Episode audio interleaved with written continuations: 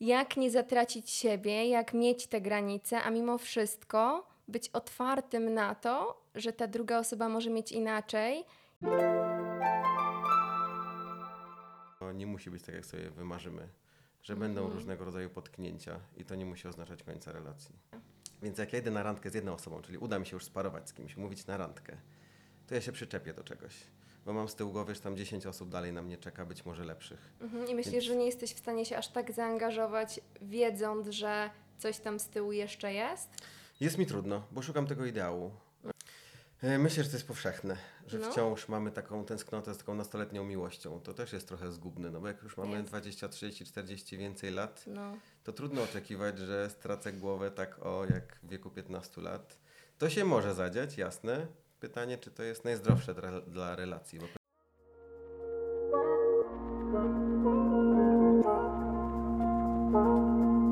Cześć, dzień dobry, z tej strony Agnieszka Dziekan. Słuchasz właśnie podcastu Studnia bez dna, czyli podcastu, który jest moim miejscem na ziemi, miejscem, w którym rozmawiam z ekspertami na tematy szeroko pojętego zdrowia, zdrowia fizycznego i zdrowia psychicznego. I raz na czas, czyli raz w miesiącu, wrzucam swoje solówki, w których opowiadam, co na ten moment mi w duszy gra. Zapraszam Cię do kolejnego odcinka. Zanim odsłuchasz, mam do Ciebie ogromną prośbę. Zostaw po sobie coś, zostaw po sobie znak w postaci komentarza, subskrypcji, czy czegokolwiek, gdziekolwiek mnie słuchasz. To bardzo mocno mi pomoże, żeby rozwijać właśnie ten podcast. Super, że jesteś. Zaczynamy. Dobrego odsłuchu. Tego kwiata jest pół świata. Tak przez lata babcie, stawiam tutaj cudzysłów, mówiły nam, że wygląda życie. I my w końcu w to uwierzyliśmy i powstał Tinder. Cześć. cześć, cześć, dzień dobry. Ze mną Michał Sawicki, psycholog, seksuolog, terapeuta par i my dzisiaj bierzemy na tapet no, kobyłę, co Michał? Sporą, sporą. Nie? Bo idziemy w związki, wspomniałaś o Tinderze, więc będzie o czym rozmawiać. Mhm. Ja mam wrażenie, że przynajmniej takie jest moje doświadczenie, może nie do końca u wszystkich, że jednak relacje, tworzenie relacji to jest jedna z trudniejszych rzeczy w naszym życiu, bo um, wchodzimy w relacje z, no, z całym naszym fundamentem. Jeżeli tam są jakieś dziury, a często są, no to pojawiają się utrudnienia, a my teraz z tymi trudnościami mm, mamy trochę się na bakier z racji tego, że jesteśmy w czasach, które są, kreują trochę taką, takie podejście do życia bardzo indywidualne, nie? skierowane na siebie. Umówmy się, to nie są czasy, w których nasze relacje wyglądają tak na, jak nasze re- relacje naszych dziadków i warto tutaj zaznaczyć, że nie do końca i nie zawsze te relacje były udane. Czasami trwały, bo trwać musiały, bo, albo takie było przekonanie. Mm, No ale myślę, że te czasy to, to jest pomieszanie z podplątaniem. Co ty sądzisz? Jak ty to czujesz? E, Ja się zgodzę z tym, że to jest kawał pracy. Myślę, że jedna z trudniejszych prac, jakie mamy do wykonania, No. utrzymanie relacji. I nie mówię tego, żeby straszyć, czy żeby pozbawiać nadziei, ale żeby pokazać, nie, że dużo czerpiemy z relacji, z bycia Tak. ze sobą w związku, ale też musimy coś wkładać. Musimy nad tą relacją nieustannie pracować. Mhm. I one rzeczywiście się zmieniają. Czyli jak popatrzymy na relacje teraz, jakie mamy, jakie my tworzymy, to są na pewno inne niż rela- relacje naszych babci i dziadków. No. E, Bardziej mniej trwałe, pewnie trochę mniej, ale pytanie, tak jak powiedziałaś, czy te rzeczywiście wcześniej relacje były szczęśliwe, czy tak wypadało po prostu być ze sobą już na zawsze, No skoro się właśnie. ktoś sparował. Teraz e, chcemy być bardzo mocno mm, świadomi i to jest super. I wraz z tą świadomością przychodzi myślenie o swoich granicach i o swoich potrzebach. I wiesz, co mnie martwi, co mi od razu nasuwa się jako pierwsza myśl do głowy? Że im więcej, im mocniej ja siebie znam, im więcej znam swoich granic, tym ciężej mi wejść w relacje, bo nie chcę ich przesuwać. No i teraz pytanie jak nie zatracić siebie, jak mieć te granice, a mimo wszystko być otwartym na to, że ta druga osoba może mieć inaczej i może te granice mimo wszystko delikatnie szturchać. E, to jest niesamowicie ciekawe, bo rzeczywiście ten samorozwój, który jest wszechobecny, każda osoba czyta, No. doszkala się. E, Mam wrażenie, że o psychologii, seksuologii coraz więcej osób się dowiaduje. Tak. E, Co super, bo powiększamy swoją wiedzę, edukujemy się nawzajem.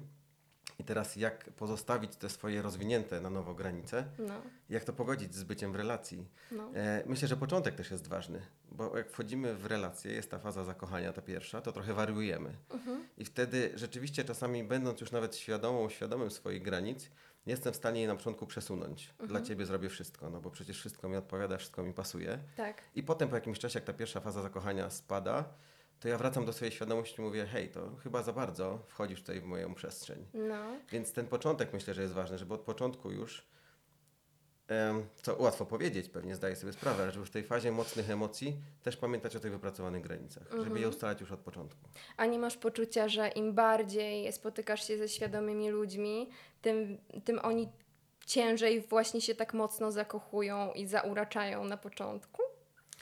E, Myślę, że to jest powszechne, że No. wciąż mamy taką tęsknotę z taką nastoletnią miłością. To też jest trochę zgubne, no bo jak już mamy Jest. 20, 30, 40 więcej lat, No. to trudno oczekiwać, że stracę głowę tak o jak w wieku 15 lat. To się może zadziać, jasne. Pytanie, czy to jest najzdrowsze dla, dla relacji, bo pewnie całe lata ze sobą w takim, takiej euforii nie będziemy. No właśnie, ostatnio z wieloma znajomymi na ten temat rozmawiałam. Czy, czy właśnie w pewnym wieku, już po jakichś doświadczeniach i, i dotarcia do tego, czego potrzebuję, i wielu traumach też, które doz, doznaliśmy, mm, czy ja jestem w stanie tak przepaść? Bo ja bym tak chciała, tak spojrzeć na siebie i powiedzieć: Boże, ja czekałam na ciebie całe życie. I czy to w ogóle może mieć miejsce, a czy jeżeli tego nie ma, to ja w dalszym ciągu mogę być w szczęśliwej relacji, czy ty możesz być dla mnie, jeżeli ja się nie zakochałam teraz po uszy. Czyli kiedy nie przepadłam No, tak całkiem. no, E, Mogę być w szczęśliwej relacji, bo zobaczmy, że ten, ten, to przepadnięcie, nie wiem, tak się odmienia? Może No, być, To, tak, no. to ten moment, kiedy przepadam rzeczywiście tak mocno, to zakochanie, ono nie potrwa w nieskończoność, czyli to jest pewien etap. Mhm. A im bardziej przepadam w tym etapie, tym potem bardziej może mnie boleć ta rzeczywistość, która się okaże, jak dopamina już opadnie. mhm. a jak ta dopomina opada, to wtedy bardzo często chcemy już uciekać, pakować manatki i Bo, szukać. Tak, bo tracimy to, to magiczne zainteresowanie, które było na początku. I tu jest taka pułapka. No. I, I fajnie, że też o tym mówimy. E, są osoby, które potrzebują ciągle tego silnego uczucia, które jest na początku. Nie da się. Ono z czasem musi opaść. W zamian za to dostajemy przywiązanie, bliskość, intymność i różne inne fajne rzeczy.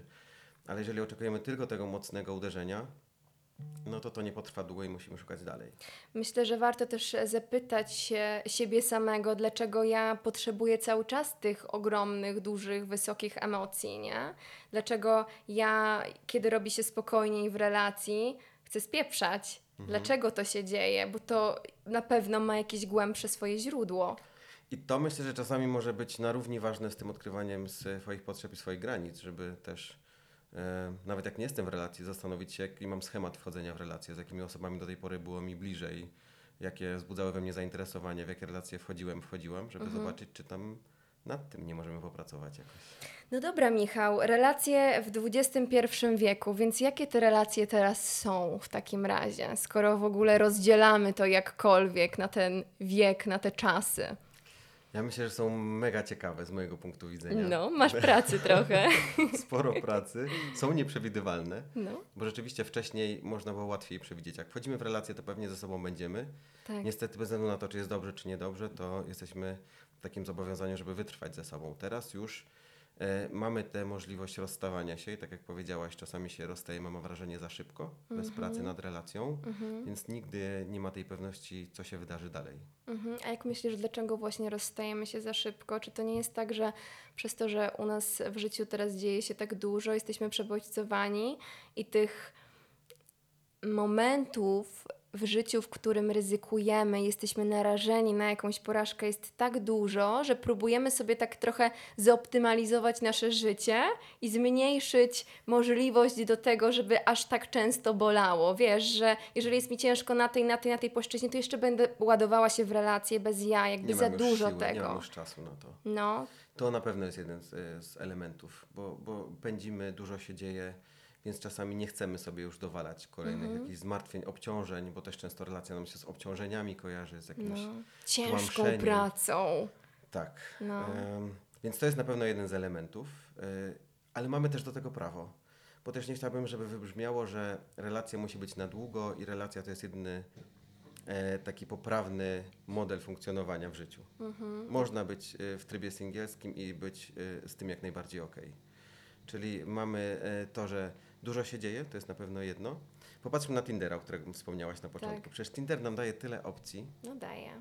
więc jak ja idę na randkę z jedną osobą, czyli uda mi się już sparować z kimś, umówić na randkę, to ja się przyczepię do czegoś. Bo mam z tyłu głowy, że tam 10 osób dalej na mnie czeka, być może lepszych. Mhm. I myślisz, Więc- że nie jesteś w stanie się aż tak zaangażować, wiedząc, że coś tam z tyłu jeszcze jest? Jest mi trudno, bo szukam tego ideału. Mhm. E, szukam tego ideału i, i e, czasami rzeczywiście przychodzą osoby do gabinetu, to opowiada, opowiadają o tym, że jakaś jedna cecha wystąpiła, taka nie wiem, za duży nos, e, Okej. za mało No to zarabia, może być za problem daleko mieszka bo wiesz, jak zadziera, no to...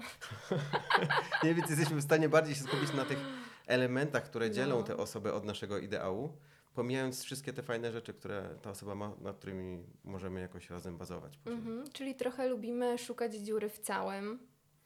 No i teraz pytanie, czy to nie jest też taka strategia trochę zabezpieczająca przed wejściem w relacje z jednej strony, a z drugiej trochę nie ma się co dziwić, bo i internet, aplikacje i ten pęd życia nas do tego też przyzwyczaja. Mhm. No dobrze. Myślę sobie dalej. Jesteś seksuologiem, więc tutaj ta seksualność oczywiście musi bardzo mocno wybrzmieć, bo też bardzo często się mówi o tym, że jeżeli mm, sfera intymna siada, to znaczy, że coś w tej relacji zaczyna kuleć i coś jest nie tak, i że to może być niezły wyznacznik do tego, co się, wiesz, taka, taki papiery, papierek lakmusowy, nie? Co się w naszej relacji teraz dzieje, zadziewa. Może być, tylko pamiętajmy o tym, że kij ma dwa końce. I z jednej strony rzeczywiście e, to życie seksualne trochę jest takim e, oknem na świat, co w tej relacji się dzieje. I poprzez e, rozmowę w gabinecie na temat życia seksualnego możemy zobaczyć, co ewentualnie w relacji jest do poprawy, bo to fajnie widać, fajnie, e, wyraźnie, bo nie Tak. dla wszystkich fajnie.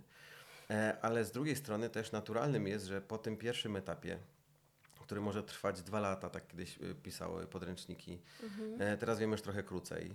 Czyli po tym etapie takiego silnego Zdecydowanie krócej. Zdecydowanie krócej. Nawet e, są głosy mówiące o tym, że po trzecim kontakcie seksualnym już to dopamina spada z No. Jedną jest- osobą.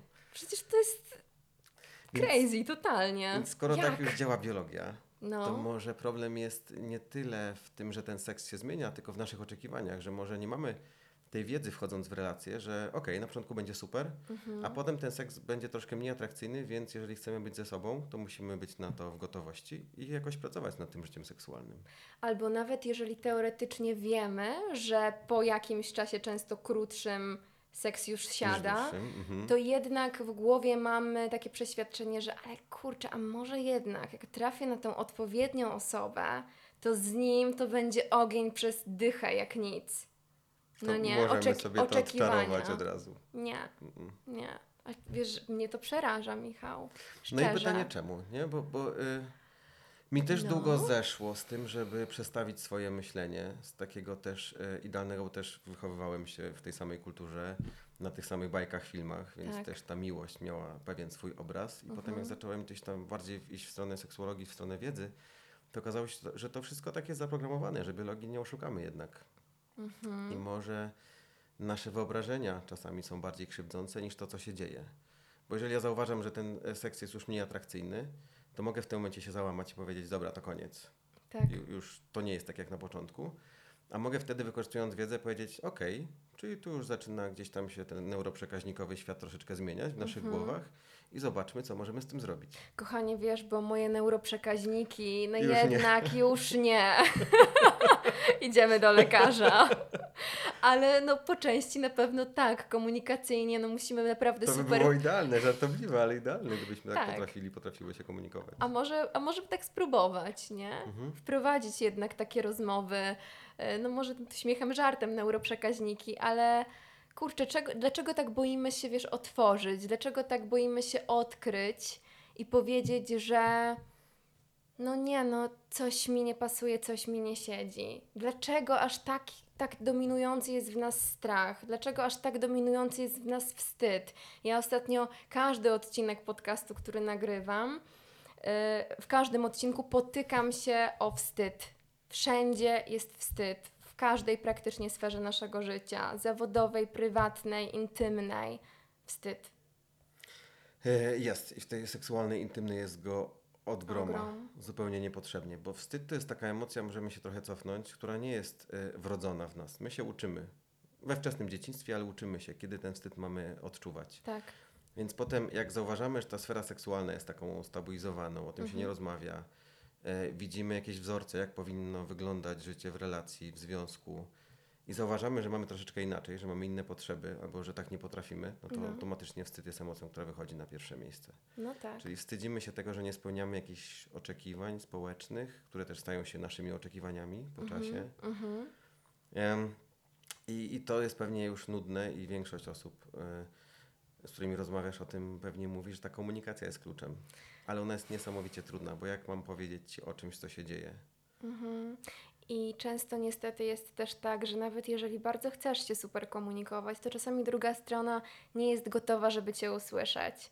Nawet jeżeli by chciała, to nie przyjmuje jakiejś sfery, jakiejś treści, którą chcesz powiedzieć, przekazać, bo po prostu no, nie ma takiej otwartości na to.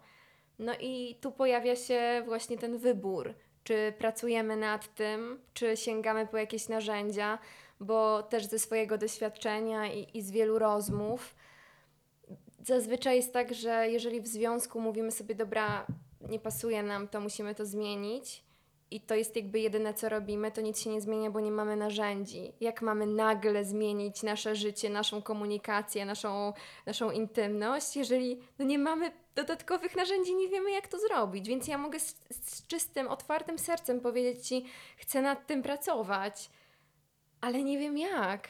I my sobie możemy obiecać, a potem się rozczarujemy, bo nie zrobimy nic więcej. No i tu przychodzi na przykład terapia, bo co innego. Zastanawiam się, co innego. Bo jest kilka tych kroków, które musimy pokonać, tak jak powiedziałaś. Czyli No. najpierw ja muszę mieć w sobie gotowość, e, wiedzieć, co chcę powiedzieć, potrafić to powiedzieć. E, druga osoba musi być w gotowości, żeby to odebrać, Mhm. usłyszeć, zareagować. em, też zakomunikować swoje potrzeby i swój punkt widzenia i potem właśnie znalezienie, co z tym możemy zrobić. No terapia jest jednym z wyjść. Ale pewnie też nie zawsze trzeba iść na terapię, chociaż mi się marzy taka profilaktyczna terapia. Mhm. E, trochę jak budować relacje. Że może zanim pojawi się kryzys, albo zanim ten kryzys będzie ogromny, to fajnie by było pójść na jakieś takie spotkanie i trochę dowiedzieć się właśnie o mechanizmach relacji, o tych mechanizmach związanych z seksem, trochę się przygotować na różne rzeczy. Wiesz co, jak to mówisz, to część mnie mówi tak, super, a część No. mnie em, ma dużą, dużą walkę w sobie, dlatego że em, kojarzy mi się to właśnie z taką kontrolą każdej sfery życia, a też e, potknęłam się o to wiele razy, że wraz z tym samorozwojem bardzo często wpadamy w sidła tego, żeby wszystko było idealne, żeby wszystko klikało, żebyśmy się zajebiście komunikowali, żeby seks był coraz lepszy, bo rozmawiamy, żebyśmy używali idealnych słów. Wiesz o co mi chodzi? Więc dobra, Aha. pójdźmy teraz na terapię, żebyśmy wiedzieli, jak zapobiec. Żeby było całkiem idealnie No, no. To tutaj wręcz odwrotnie, czyli y, to miałoby służyć temu, żeby sobie poradzić z tym, że nie będzie idealnie. Okej. Nie? Czyli żeby dowiedzieć się i zobaczyć, że to nie musi być tak, jak sobie wymarzymy. Że będą Mhm. różnego rodzaju potknięcia i to nie musi oznaczać końca relacji. To też jest trudne, bo cały czas jesteśmy e, w tym duchu właśnie bycia coraz bardziej idealnymi osobami. No. Tam się pojawiają jakieś takie głosy w mediach odnośnie odpuszczania powoli, ale wciąż mam wrażenie, że nie potrafimy odpuszczać, więc to by była trochę taka rewolucja, Mhm. że w relacji może być kiepsko. Tak. Ta, tak. I to nie znaczy, że coś jest nie tak. No W właśnie. seksie może być kiepsko i to też jest okej. No. No myślę sobie, bo to oj, tak, tak, tak. Moje trybiki tutaj klikają i, i zaczynają to wszystko układać, że trochę to jest, wiesz, opozycja do tego, mm, co kultura nam w dzisiejszych czasach mówi, czyli jeżeli w czymś czujesz się źle, jeżeli w czymś czujesz się niekomfortowo, jeżeli coś ci nie sprzyja, no to po prostu postaw granicę i idź dalej. Tylko pytanie, czy aby na pewno to, że mi nie sprzyja, nie jest do naprawienia. No, jest, jest potrzebna ogromna świadomość, ogromna, ogromna. I tak myślę a propos wolności, do której bardzo mocno dążymy, że mm, to są czasy, w których my dopiero odkrywamy, tak, tak mi się wydaje, potrzeby swoje. I w ramach mm, tej nauki o sobie i w ramach tego poszukiwania swoich potrzeb, często może być tak, Że coś, co znajdziesz, wcale nie jest Twoją potrzebą, tylko działasz trochę w opozycji do tego, co zawsze nam mówiono. Teraz za przykład. Na przykład kiedyś kobiety bardzo często poświęcały się rodzinie, wychowywały dzieci, mężczyzna pracował, więc teraz jesteśmy trochę w opozycji do tego, że kobiety są, wiesz, samowystarczalne, rozwijają się, dbają o siebie, znają swoją seksualność, wiesz, do przodu, hej. Mm, Więc ja chcę być taka, nie? I nie powiem głośno, hej, wiecie co, ja chcę się poświęcić rodzinie, bo zostanę bardzo często źle odebrana. Nie poświęcaj całej siebie, nie rób tego. Ty, to słowo poświęcać. nie? No. To. Więc y, ta wolność, do której dążymy, myślę sobie, że często może być wielką pułapką, bo może nam się wydawać, że nasze potrzeby po prostu będą teraz w opozycji do tego, czego nas nauczono. Rozumiesz, o, o czym mówię?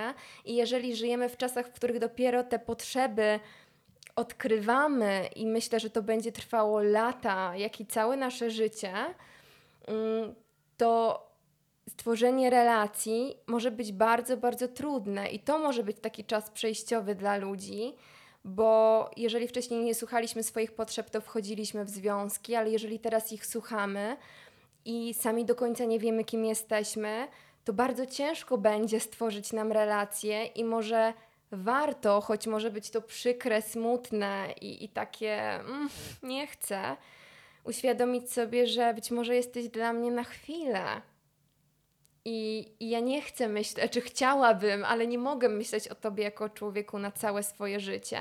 I to jest trudne, to jest trudne do kliknięcia, ułożenia.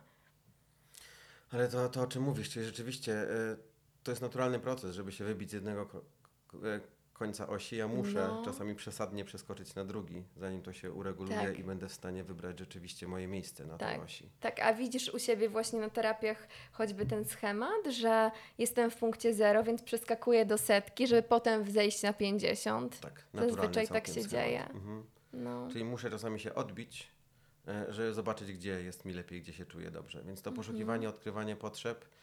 I znowu, może dajmy sobie też czas na to, że skoro nie do końca jeszcze umiemy w relacje, bo nikt nas nie uczy, No. to może potrzeba czasu na to podkrywanie siebie. Może ja nie muszę od razu w wieku 18-20 lat budować super relacji i, jej utrzymać, tylko mogę popatrzeć, poobserwować, podoświadczać. Mhm. Jak już będę wiedzieć, czego potrzebuję, to wtedy. No, bo coś w tym jest, że wiele statystyk mówi o tym, że coraz mniej chętnie jednak wchodzimy w te relacje, chociaż podskórnie byśmy chcieli.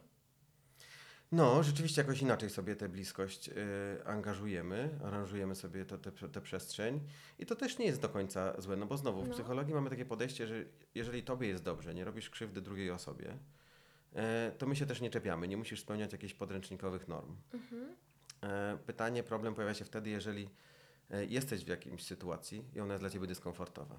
No to to jest jak najbardziej problem do pracy. Więc jeżeli ktoś nie może wejść w relację, bardzo tego potrzebuje i cierpi z tego powodu, to wtedy terapia czemu nie?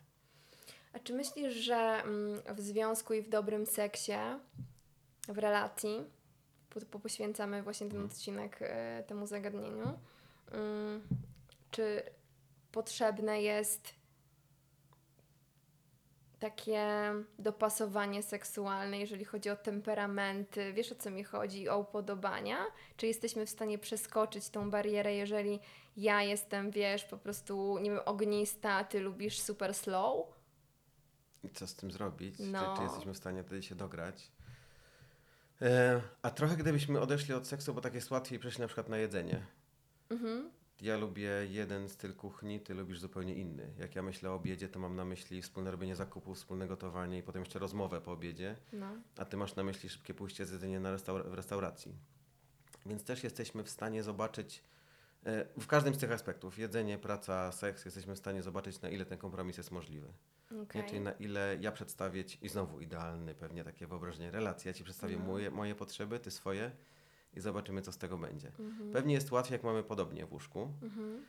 e, bo preferencji całkiem pewnie się zmienić nie da, chociaż jesteśmy troszeczkę w stanie nagiąć. Może się okazać, że coś, co mi się wydaje teraz zupełnie niemożliwe Tak. do zrealizowania, za jakiś czas zacznie mnie kręcić. Tak.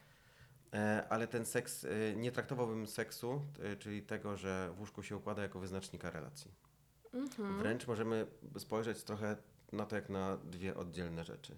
Okej. Bo pewnie, że seks buduje bliskość i są osoby, e, częściej kobiety, ale też e, generalnie są osoby, dla których ten seks jest lepszy, im jesteśmy bliżej. Mhm. Im bardziej mamy jakąś taką spójność, bliskość, zaufanie do siebie, jakąś więź emocjonalną. Mhm. A są osoby, które właśnie wolą te pierwsze trzy kontakty, efekt świeżości, nowości i potem to zainteresowanie, pożądanie im spada.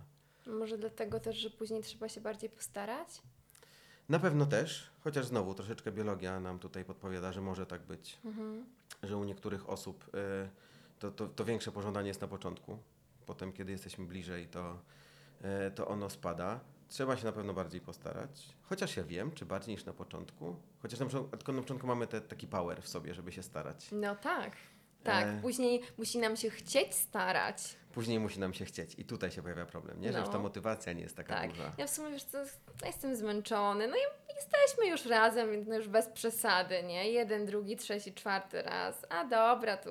A to dzisiaj już tak, a no, wiesz o co mi chodzi? Mhm. Później może to tak e, prze, przejść na taką, w taką byle jakość, bo nam się nie chce starać, bo przecież już jesteśmy razem. Tak, no i bez tego starania to tylko będzie równia pochyła. No bo seks sam sobie nie poradzi. Bez naszego wsparcia on nie będzie, to nie jest perpetuum mobile, on nie będzie funkcjonował cały czas świetnie. No, a z czym najczęściej przychodzą do ciebie pary? I e, też ciekawe, w jakim przedziale wiekowym, w jakim, z jakim stażem, jak to wygląda najczęściej? Bardzo różnie. Okej. Jeżeli chodzi o staż, to bardzo różnie. Jeżeli chodzi o wiek osób, które przychodzą, to pewnie jest on mniej więcej zbliżony do mojego. To jest też Mhm. taka tendencja, że osoby sobie wybierają e, też e, osoby pomagające w, z podobnym wiekiem, podobnym doświadczeniem. No tak. Ale co najczęściej, no to właśnie te problemy w seksie, czyli to, że ten seks zanika. Okej. Okej. To, że coś tam z tym seksem się dzieje. Mhm. A często obwiniamy siebie nawzajem, że zanika? Mhm. Mm. Albo ja y, siebie obwiniam, bo interpretuję to jako y, uderzenie we mnie, bo skoro nie chcesz seksu, to ze mną jest coś nie tak. Albo ja ciebie obwiniam, no bo to jest twój problem. Czyli też się zdarza tak, że jedna osoba przyprowadza drugą i mówi proszę naprawić. Tak, ale jak mówię, że ze mną coś jest nie tak, to też wywieram na tobie jakieś wyrzuty sumienia, więc finalnie i tak cię trochę oskarżam Mhm, mhm. i stawiam się w e, pozycji ofiary.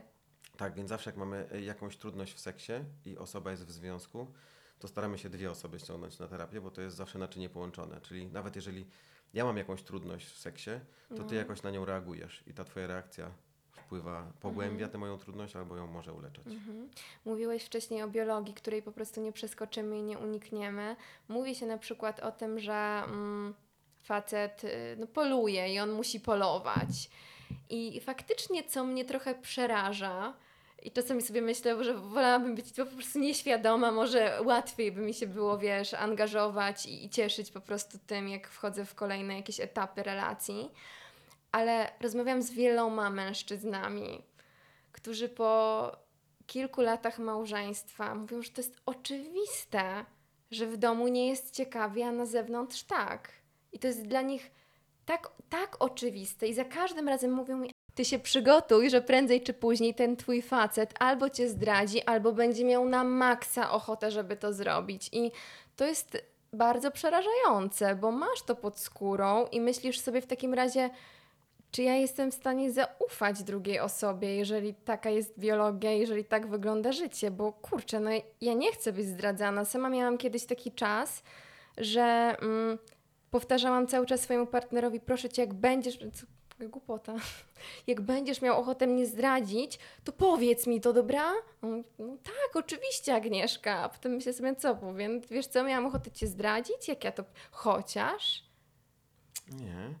No bo y, rzeczywiście wchodzimy w relację z takim pewnym lękiem przed zdradą. No. To jest niesamowite, niesamowicie obciążające. Ja to też powtarzam jak mantrę, że traktujemy tę zdradę jako najgorszą zbrodnię w relacji. Czyli Tak. dużo rzeczy możemy sobie robić niefajnych. Ale nie zdradzić. Mhm. I teraz, Hmm. skoro wiemy już, że y, gdzieś tam prędzej czy później to zainteresowanie innymi osobami się pojawi. Naturalne. Część, Jest to naturalne. jest to No. naturalne. A U niektórych osób bardziej, u niektórych mniej. I znowu nie chcę dzielić na mężczyzn i kobiet tego świata, bo też nawet pracując z parami jednopłciowymi widzę, że to jest y, Nie, zupełnie to różne. jest takie pieprzenie, wiesz? No. Bardzo często mówi się faceci, faceci. Rozmawiam z dziewczynami, z kobietami. Nie jest to prawda. Y, Cieszę się, że nie idziemy w tym, No. w tym, w tym kierunku. Nie? Tak. Czyli są osoby, które, u których prędzej niż później się pojawi to zainteresowanie innymi osobami. Y, I teraz jak się na to przygotować? Bo znowu mamy jakieś y, nierealne oczekiwania wobec relacji. No. Jak przepracować tutaj sobie ten wzorzec? Y, To by było idealne, to co powiedziałaś, tylko może nie w takim znaczeniu, że powiedz mi, jak chcesz mnie zdradzić, tylko jeżeli mamy taki ideał odnośnie komunikacji, to sobie komunikujemy na bieżąco, Mhm. e, na ile gdzieś tam to zainteresowanie tobą jest mocne, albo czy pojawia się ktoś inny. Mhm. Żeby nie brać tego do siebie, że jak gdzieś przestajesz być, przestajesz zajmować 100% mojej uwagi seksualnej, Mhm. to nie znaczy, że z tobą jest coś nie tak, albo z naszą relacją. Mhm. Bo może nie da się zrobić tak, żebyś ty zawsze zajmowała te 100% tej uwagi seksualnej mojej. No tak, a od samej myśli, jakiejś fantazji do czynu jeszcze jest dość długa droga. Tak, to jest wybór, to jest decyzja, to jest jakieś działanie. No. No. Tylko teraz co zrobić e, w momencie, kiedy już mam te myśli i te fantazje? No. Coś co? trzeba z tym e, poogarniać. Mhm. Bo ja nie mogę udawać, że tego nie mam e, i nie mogę bać ci się o tym powiedzieć, no bo to prędzej czy później pierdyknie. Ale to zawsze oznacza, że coś jest nie tak w relacji? Nie, Bo często się nie. mówi, że no skoro ktoś zdradził, no to znaczy, że w tym związku było no coś grubo nie tak. I pewnie, że traktujemy zdradę jako objaw, a nie jako problem sam sobie, czyli nas interesuje, co jest pod spodem, No, ale często okazuje się, że właśnie tam było był brak komunikacji albo okej. brak starania się o to życie seksualne, brak urozmaiceń i tak jak sobie mówiliśmy, to, to satysfakcja seksualna spadała. No, Albo po prostu było to, że e, no, tak działamy i gdzieś tam to zainteresowanie innymi osobami się pojawia mhm. i nie byliśmy, nie byliśmy w stanie nic z tym zrobić wcześniej. Mhm. Bo właśnie mamy założenia, że w relacji o pewnych rzeczach się nie rozmawia. Czyli nie rozmawia się na temat y, profilaktyki zdrady, nie rozmawia się o tym zainteresowaniu inną osobą, no. e, nie poruszamy tematu tego, że coś mi się przestaje podobać w tobie albo w seksie. Mhm.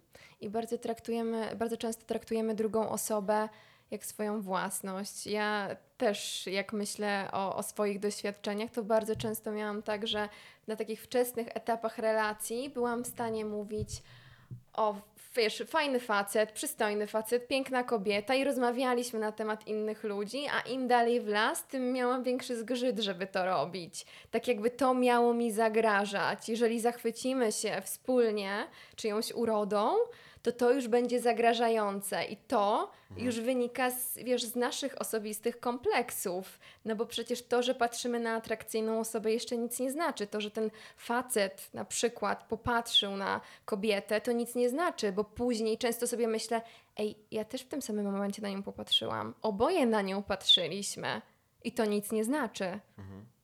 No, a my sobie wijemy w głowie jakieś historie. Bardzo dużo. No. Nie? Czyli znowu rzeczywiście y, często spotykam się z takimi przekonaniami, że skoro jesteśmy razem, skoro mnie kochasz, to tylko ja ci się podobam. Tak, i to- tylko mnie nie widzisz. Mhm, Jeżeli patrzysz gdzieś indziej, to to jest sygnał ostrzegawczy. tak.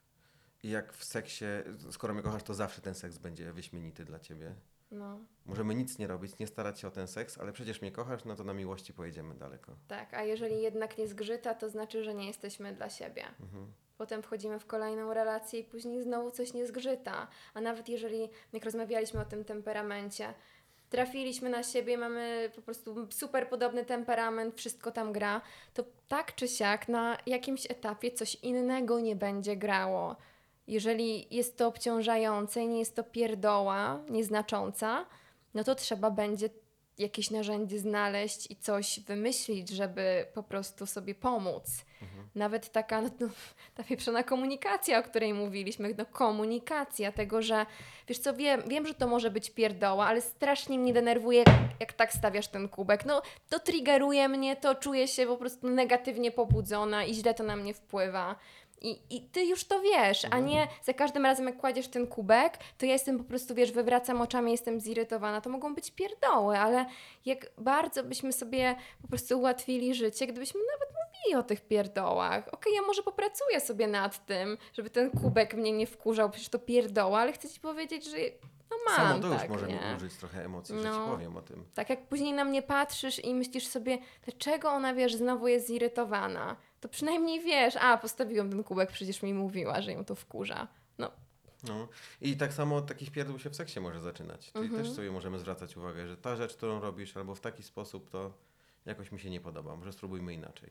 A to nie jest też trochę tak, że mm, my sobie w łóżku, my, w łóżku wchodzimy z takim naszym wewnętrznym mentalem dziecka, że my sobie załatwiamy w tym łóżku bardzo często jakieś nieprzepracowane rzeczy, że szukamy tam rzeczy, które na innych sferach, na przykład naszego dzieciństwa, nie działały.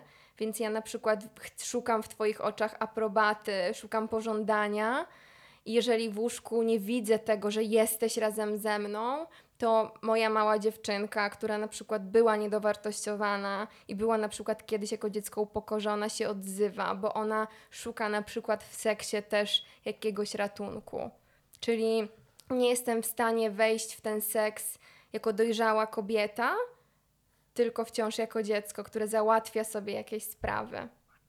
Ja możemy sobie to dziecko z tą dojrzałą kobietą czy z dojrzałą osobą jakoś tak zespolić. Tak. Bo my też mamy w sobie ciągle jakieś schematy z Mamy, przeszłości. jasne. Nie? I to, to wszystko się odzywa jak najbardziej w seksie.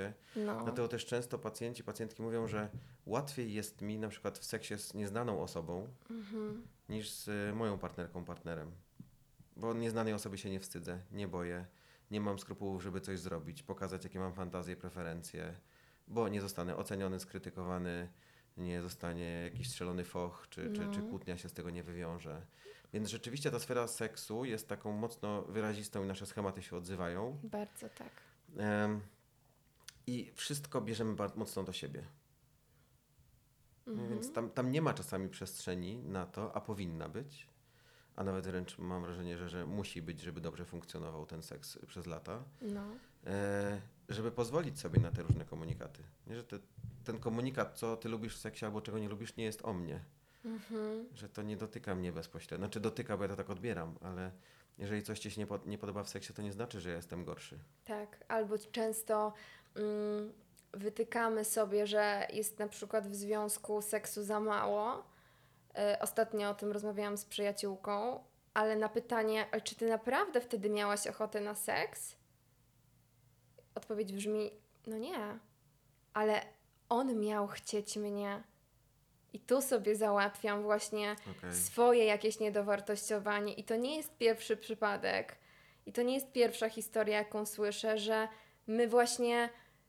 To jest często dowód na to, że ta osoba nas kocha. Jeżeli wraca po raz kolejny do domu i on na mnie w ten sposób nie patrzy, pomimo tego, że ja wcale nie chcę iść do łóżka, to ja właśnie oczekuję, że on się teraz na mnie rzuci. Ej, nie rzuca się.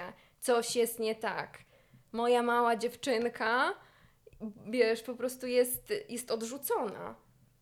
Czyli zamiast rozmawiać o seksie, to patrzymy na ten seks jako na wyznacznik. No. Trochę gramy sobie tym seksem w relacji. Gramy, gramy bardzo mocno.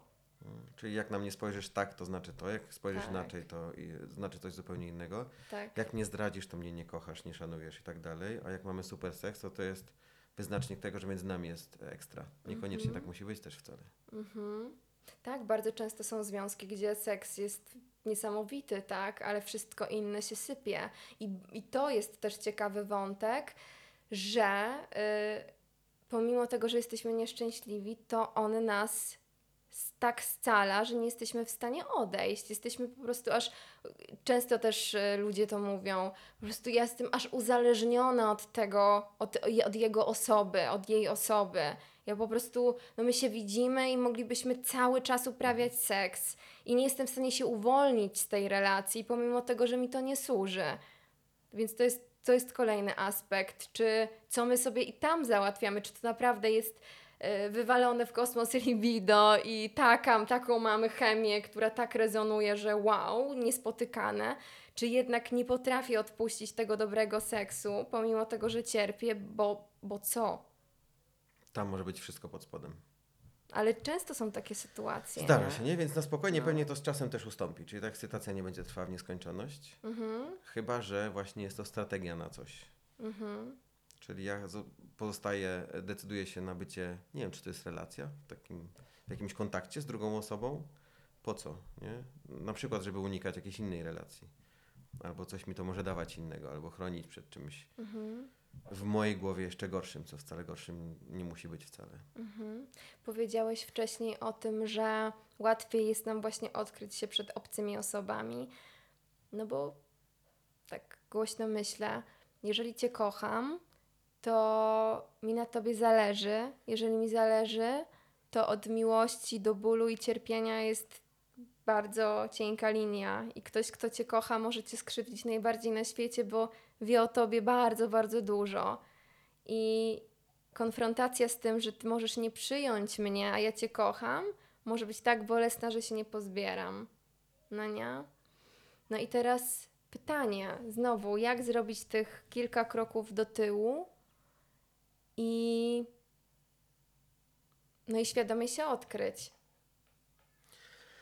E, No to są, to są grube rzeczy, wiesz, no my możemy sobie tutaj gdybać, Tak. ale no warto sobie się zastanowić nad tym, czy ja chcę żyć i nie mówić całe życie o tym, co mi tam w duszy gra, czy jednak zaryzykuję i powiem ci. I znowu to jest wybór. No, E, Chodzi o to, żeby jakoś wybrać tę opcję, która jest dla mnie lepsza. Chociaż ja z zewnątrz patrząc na relację, w której boję się o czymś powiedzieć, mhm. albo ten, ten lęk jest większy niż jakiś tam taki, załóżmy, że standardowy, no to zastanawiam się, czy to jest dalej relacja, czy to jest dalej oparta na miłości, czy to jest bardziej relacja, e, czy kontakt oparty na, no bo jak chcę cię chronić, czy chcę z tobą zachować szczerość, no właśnie. nie? Ale jak sobie poradzić z tym, to znowu wracamy do tego, żeby jak najszybciej odkrywać karty. Mhm. Czyli żeby jak najszybciej mówić o swoich potrzebach. Bo też się przyzwyczajamy do pewnych schematów w relacji. Czyli Tak. jak przez dwa lata, trzy nie mówię ci o tym, co mi nie pasuje, to nie oczekujmy, że ja nagle zacznę to komunikować. I że ty nagle zaczniesz to przyjmować, bo to też osoby czasami mówią, że czują się oszukane, bo przez trzy lata nic nie mówił, Tak, a potem czas. nagle odkrywa, że jest niezadowolony z czegoś. Tak, cały czas mówiłeś, że jest okej, no to, to o, o czym ty nagle do mnie mówisz, Mhm. nie? Nagle ci nie pasuje. No, tak, tak. No i wtedy pada odpowiedź, no nie mówiłem, że mi nie pasuje, no bo cię kocham, albo mi na tobie zależało. No. A przyjęcie tego po czasie jest trudniejsze niż gdybyśmy się poznali i powiedziałbyśmy na starcie, wiesz co mam tak, nie? No to to jest, no to biorę ciebie z tym, Tak. bo przynajmniej i, jak to kolejne, jak- jakie, jakie to kolejne ułatwienie byłoby w naszym życiu, że ja biorę ciebie i widzę ciebie w tym całym pakiecie wszelkich wad, zalet. Nie maskujesz ich przez lata, żeby później mi powiedzieć, kurde, to wcale mi nie odpowiada, tylko ja mam wybór, bo y, czy, jestem z tobą, czy nie, bo, bo widzę ciebie całego, nie? A później związki się rozsypują, bo bardzo często któraś ze stron, czasami obie, czasami jedna, zaczyna się rozwijać, zaczyna się odkrywać.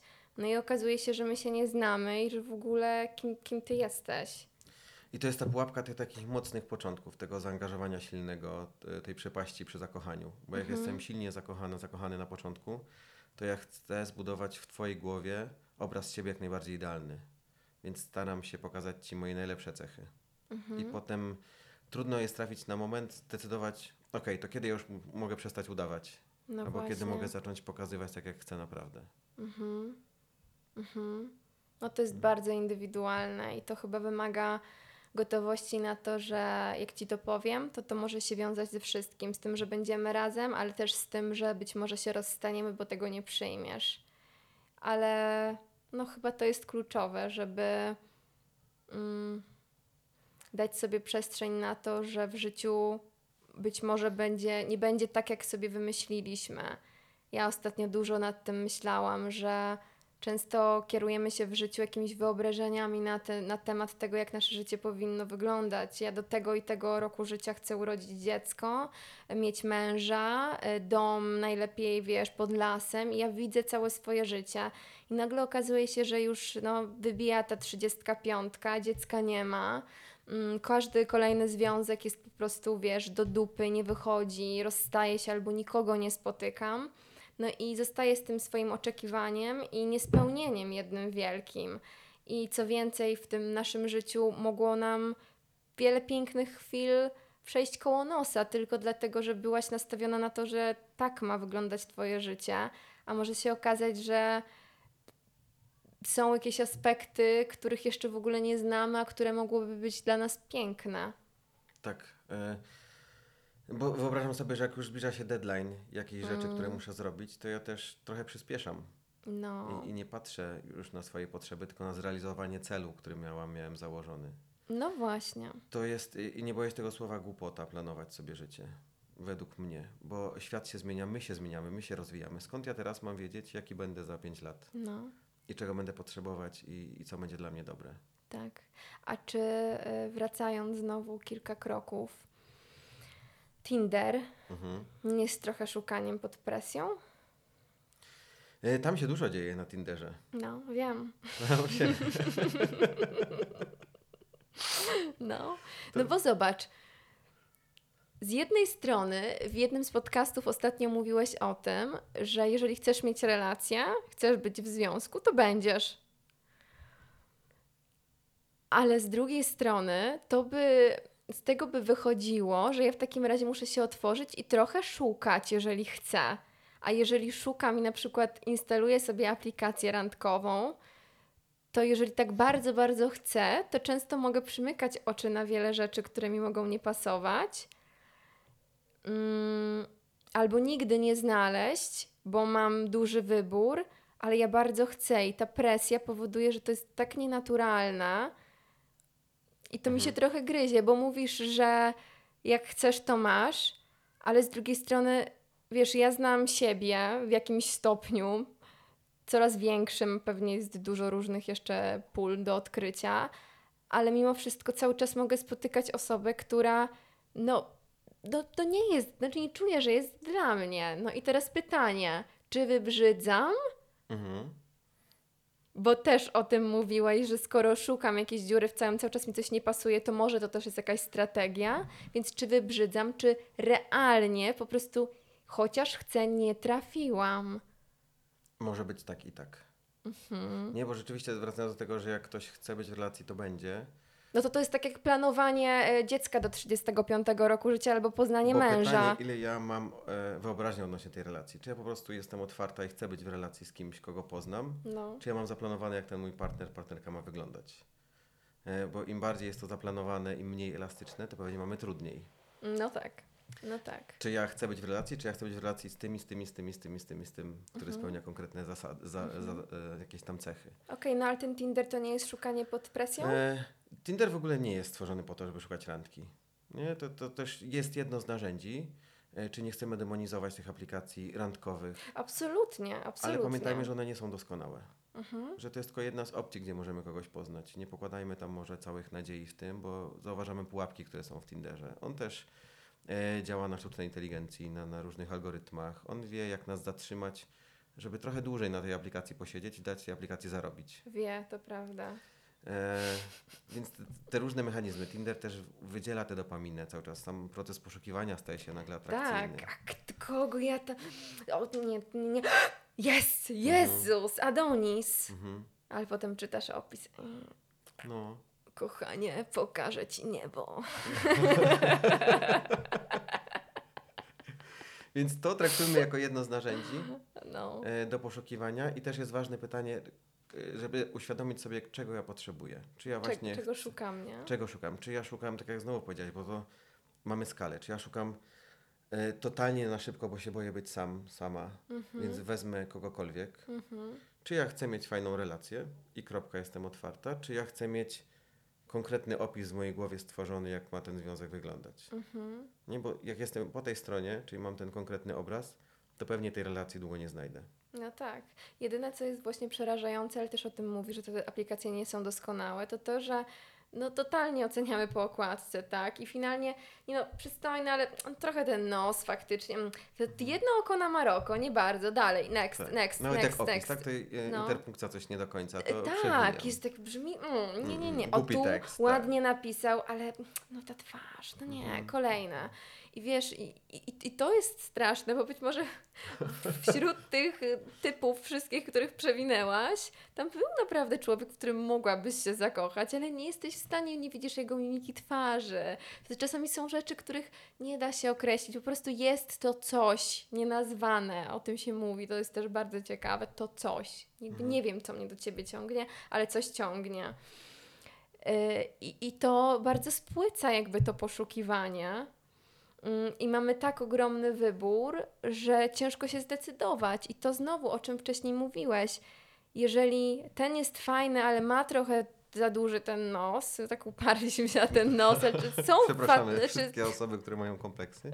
Niepotrzebnie. Niepotrzebnie, absolutnie. Mm, Jest, bierzemy to za przykład. E, Co chciałam powiedzieć? Że jak się uprzemy na coś i znajdziemy jakąś cechę, I znajdziemy jakąś cechę.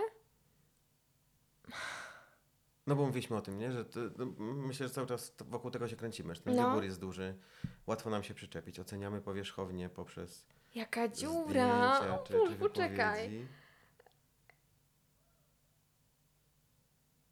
A! Jak...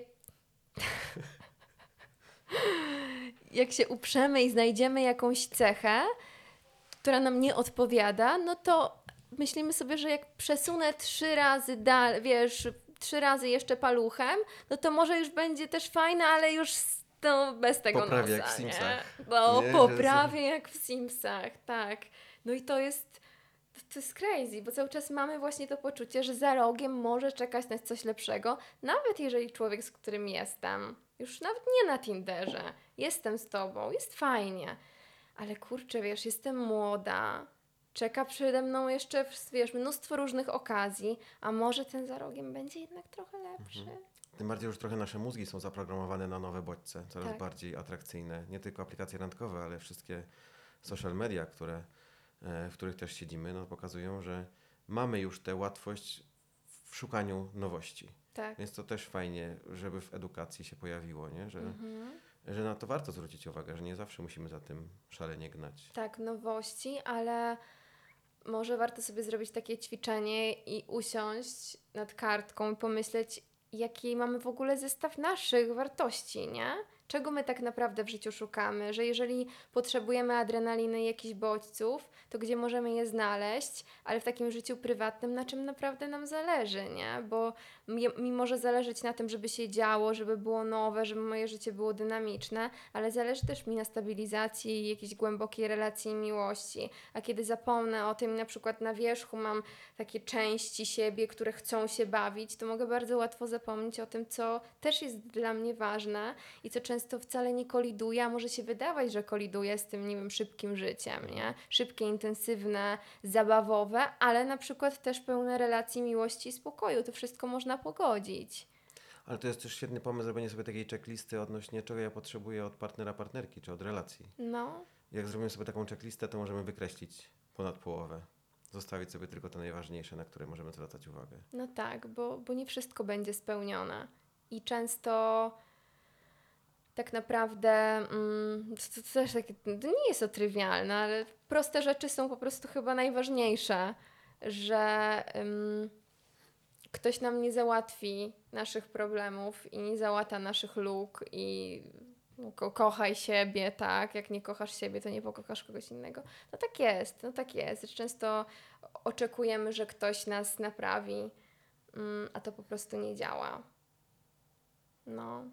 Relacje XXI wiek. Mm, trudny czas, tak sobie myślę, Ale ekscytujący. ale ekscytujący. I w tym całym chaosie i pomieszaniu z poplątaniem wartości i potrzeby to jest coś, nad czym nieważne w jakich czasach będziemy żyć, będziecie żyć, jest coś, nad czym warto się pochylić. No?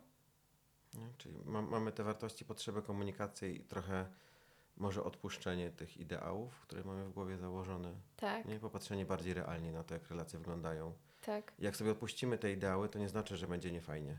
Te relacje No. ciągle mogą być wspaniałe. Mhm. I bo nie pokładamy też całego naszego życia na relacji. I nie zapominamy o sobie w tym wszystkim. I o tym, że jeżeli pokochałeś mnie taką, to może warto, żebym też taka została, a nie zmieniała się, nie podporządkowywała pod to nasze wspólne życie. Bo to jest też bardzo częsty case. Jest, robię dany schemat, jakiś dany zestaw rzeczy i ty myślisz sobie, wow, fajne to jest. A potem jestem z tobą, nie mam już na to czasu, zostawiam, zostawiam za sobą. I, i nagle stajemy się jakąś taką jedną, wiesz, jedną po prostu splątaną, czy, jednym splątanym czymś No i brakuje tam oddechu. Bo strach, że będzie moje, twoje i nasze, jest tak wielki, bo nie chcemy się od siebie oddalać i wydaje nam się, że razem to razem.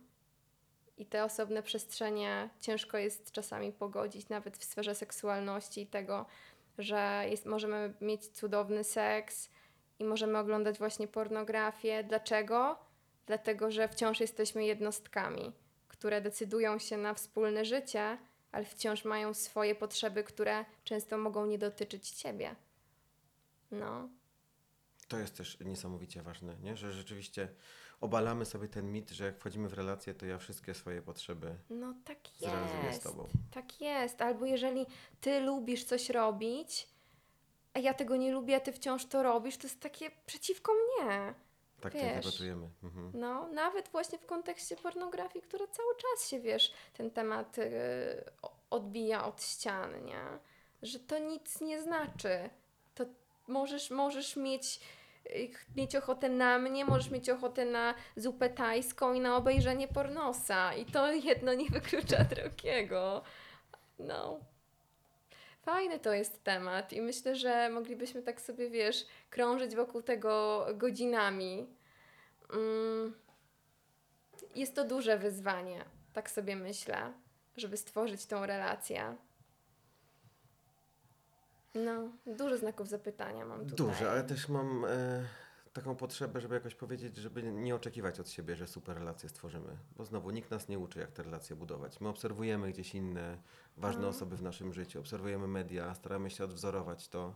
I potrzeba czasu naprawdę czasami, żeby dotrzeć do tych potrzeb, o których tak mm, fajnie, że podkreślasz, No. i zbudowanie relacji takiej, jakiej potrzebujemy. Więc dajmy sobie czas na to. Tak, i e, podsumowując ten super związek, to co powiedziałeś, że chcemy super związku, super związek może być nawet czasami nie będąc super. Tak, odkrywamy inną perspektywę tego super. Tak, tak. Bo z drugiej strony takie sytuacje, gdzie pojawia się zgrzyt i pojawiają się gorsze momenty, też bardzo często budują, tak? No bo poznajemy siebie, znowu szukamy jakichś swoich, poznajemy wiem, style, język, swój język miłości, no cokolwiek, nie? Więc dajemy sobie czas, żeby czasami pobyć tam na dole i wejść sobie nieco wyżej. I jakby cały czas te górki i dołki, jak i w naszym życiu codziennym, tak i w prywatnym będą. I w dalszym ciągu, reasumując, możesz powiedzieć, że masz dobre życie, pomimo tego, że działy się w Twoim życiu przykre rzeczy. W moim życiu działy się bardzo przykre rzeczy, ale mogę powiedzieć, że mam dobre życie. No, Bo to nie chodzi o to, żeby nie było tych przykrych elementów, bo się nie da pewnie. Chodzi o to, Nie żeby się. sobie uczyć się, wyciągać wnioski, radzić sobie z nimi no. i dbać o siebie. Mhm. E, szukamy wszędzie tam, gdzie są osoby, nie poddajemy się, patrzymy na to, czego potrzebujemy i zachęcam do takiej elastyczności, otwartości. Tak, tak. Mhm. I tak e, mam tutaj wiele takich rzeczy w, sobie, które ze mną rezonują i myślę, dobra, co chcę powiedzieć, a co nie. Mm. I znowu kończąc i stawiając tutaj kropkę,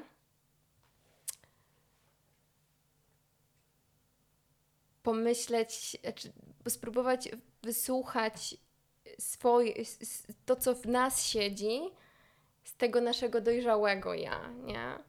Dlaczego ja chcę z Tobą być?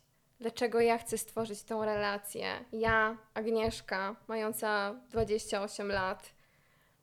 Mm, nie Agnieszka, dwunastoletnia, która szuka wsparcia i miłości, nie? Tylko ja, moje dojrzałe ja.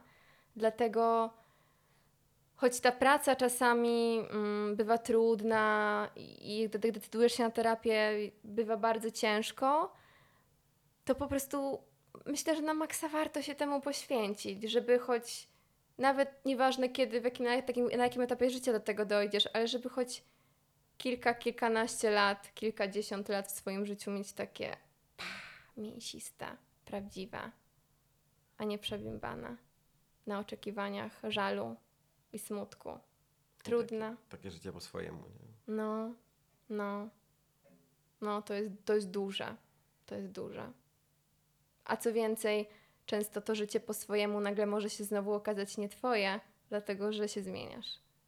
I ja sobie robię od jakiegoś czasu, nawet już co kilka miesięcy, bo dużo się zmienia w mojej głowie, aktualizacje, czy moje przekonania wciąż są aktualne. I bardzo często jest tak, że mówię o sobie w jakiś sposób, a potem myślę sobie, ej, ale ja już tak nie mam. I to się zmienia. I w relacjach też to się zmienia. No. To co? Nie bójmy się tworzyć związków. Otwieramy się. Nie bójmy się kochać. Tak, bo to piękna rzecz. Nawet jeżeli czasami będzie kosztować rozstaniem, bólem, to może Albo warto. rzeczami drobnymi, które będą się po drodze wykolejały. Tak, tak. Dziękuję Ci za rozmowę. Dzięki za zaproszenie. Myślałam, że więcej będzie tutaj o, o seksie, bo jesteś seksuologiem, ale jakoś tak, No bo seks to naprawdę komunikacja w dużej mierze. tak, tak. No. Dzięki jeszcze raz.